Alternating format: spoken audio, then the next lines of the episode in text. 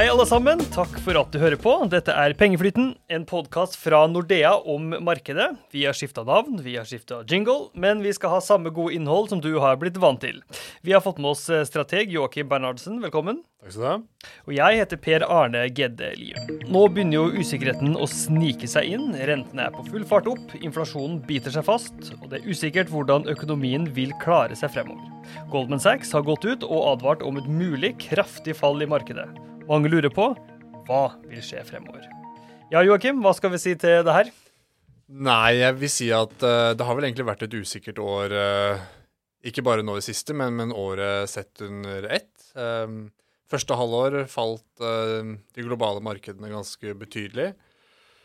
Aksjemarkedene er nå ned en 15% sånn globalt. eh, litt hva du, avhengig av hvilket land du, du ser på. Så det har vært mye usikker allerede, allerede. Og så har det bølget litt fram og tilbake. eh, og det som på en måte har kanskje kommet gjennom ja, sensommeren og nå inn på høsten, er jo, er jo denne villigheten blant sentralbankene da, til å kjøre rentene virkelig opp for å ta livet av Mm. inflasjonen, og, og med det på en måte risikere økonomisk vekst. Da, og det virker ikke som de er så Ja, inflasjonen skal knekkes, koste hva det koste vil, har på en måte vært budskapet, da. Ja, for nå er det jo triple rentehevinger, doble rentehevinger. Litt sånn uhørt har det vært på ja, mange, mange mange år. Ja, blir det for mye, eller øh, hva, hva, tror Nei, du om det Nei, det? er veldig vanskelig. Og det er som du sier, sant, en trippel renteøkning. eh, En, en vanlig renteøkning er jo ofte et kvart prosentpoeng, da. Men eh, nå er det ventet at den amerikanske sentralbanken også neste uke øker renta med 0,75 prosentpoeng for tredje gang på rad. Eh, ECB,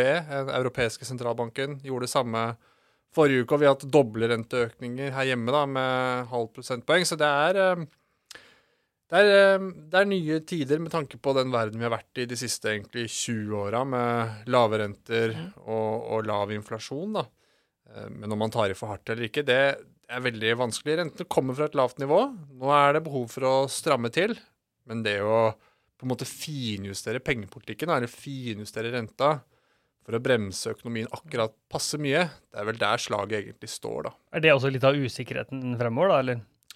Ja, altså Hvis du ser på aksje- og rentemarkedet, da, så har på en måte når rentene har steget, så har aksjer eh, falt. Eh, Og mye av det, det har jo vært fordi at eh, når rentene har kommet opp i lys av sentralbankretorikk og renteøkninger osv., så, videre, så har man fryktet at rentene skal stige så mye at det vil dempe økonomien for mye, rett og slett, og dermed bidra til dårlig inntjening osv. for for aksjeselskapene. Og Det er jo der um, usikkerheten nå ligger, og det, det vet man fortsatt ikke. Um, vil man nå egentlig få det man kaller en hard landing, eller en myk landing?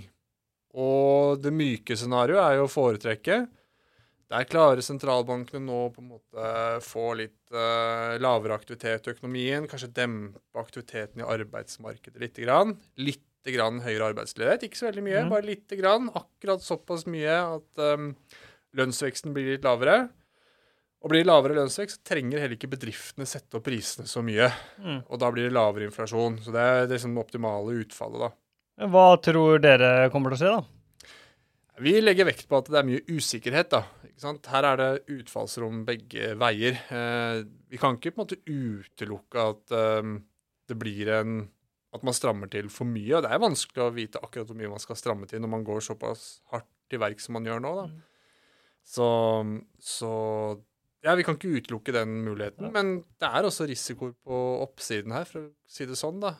Ja, kanskje vi begynner å se litt sånn tentative tegn på at det roer seg i arbeidsmarkedet allerede. Kanskje har man ikke så veldig mye mer igjen eh, før man begynner å oppnå det man vil. da. At man får en viss avklarhet om det rundt de neste månedene. Og Da kan man fort se at aksjemarkedet kommer en god del tilbake. Da. Så, så vår holdning er på en måte nå, nå tar vi ikke noe sånn Dette er ikke situasjonen for å ta mye risiko i aksjemarkedet, så vi sitter litt sånn på hendene og holder oss til, til planen, på en måte. Ja. Eh, Men har sentralbanken egentlig sovet litt i timen? Eh, Holdt renta for lav for lenge, og noen liksom panisk opp? Eller, eller var det her inflasjonen umulig å forutse? Eller Altså I etterpåklokskapen så er det, enkle svaret er ja. Mm. Um, hvis jeg får lov å ut, utbrodere litt Ja, mer, ja. som du sikkert er ute etter, så, så, så tok man vel litt feil under pandemien. Uh, for Mm. da var det en del ting som holdt inflasjonen, altså prisstigningen, kunstig høy eh, lenge. Vi hadde vi stengte jo ned store deler av samfunnet vårt. Eh, men det vi gjorde, var jo at vi ga jo forbrukere store stimulanser. I USA fikk man jo utdelt sjekker. Um, det ble innført veldig gode støtteordninger for de som mista jobben osv. Så, videre. så inntektene falt jo ikke, de gikk jo heller opp. Mm. Uh, og da ble det veldig mange penger som skulle løpe etter færre varer. Fordi vi, det var vanskelig å holde produksjonen oppe med nedstengte bedrifter.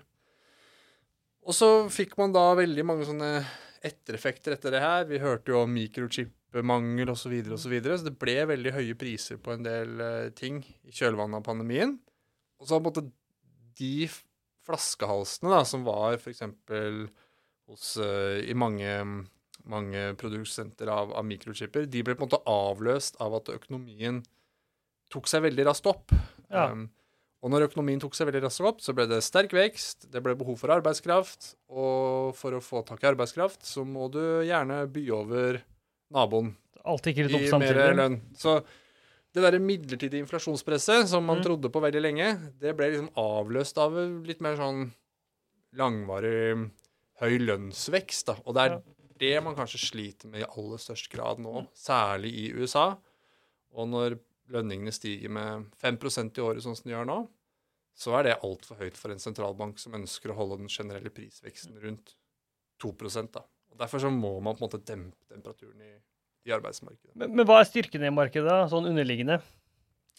Altså, Sånn som vi ser på aksjemarkedet nå, så, så, er det jo ikke noe, i hvert fall i vårt bilde, vi forventer jo ikke noe krise, liksom. Vi sier jo ikke 'selg alt'. Eh, og gjerne ofte i forkant av store nedturer i aksjemarkedet. Så ser man kanskje at det, er mer sånn bobletendenser. da, ikke sant? Det er mm. ikke noe det er ikke noe sånn veldig Altså prisingen av aksjer, f.eks., er nøktern. Um, husholdningenes uh, gjeldssituasjon er uh, veldig moderat. Ikke sånn som vi så i forkant av finanskrisen, hvor amerikanske husholdninger hadde gjeld opp etter øra. Mm. Der er vi ikke i dag. Så det, det, er veldig mange ting som tyder på at liksom, det underliggende bildet er mye sunnere.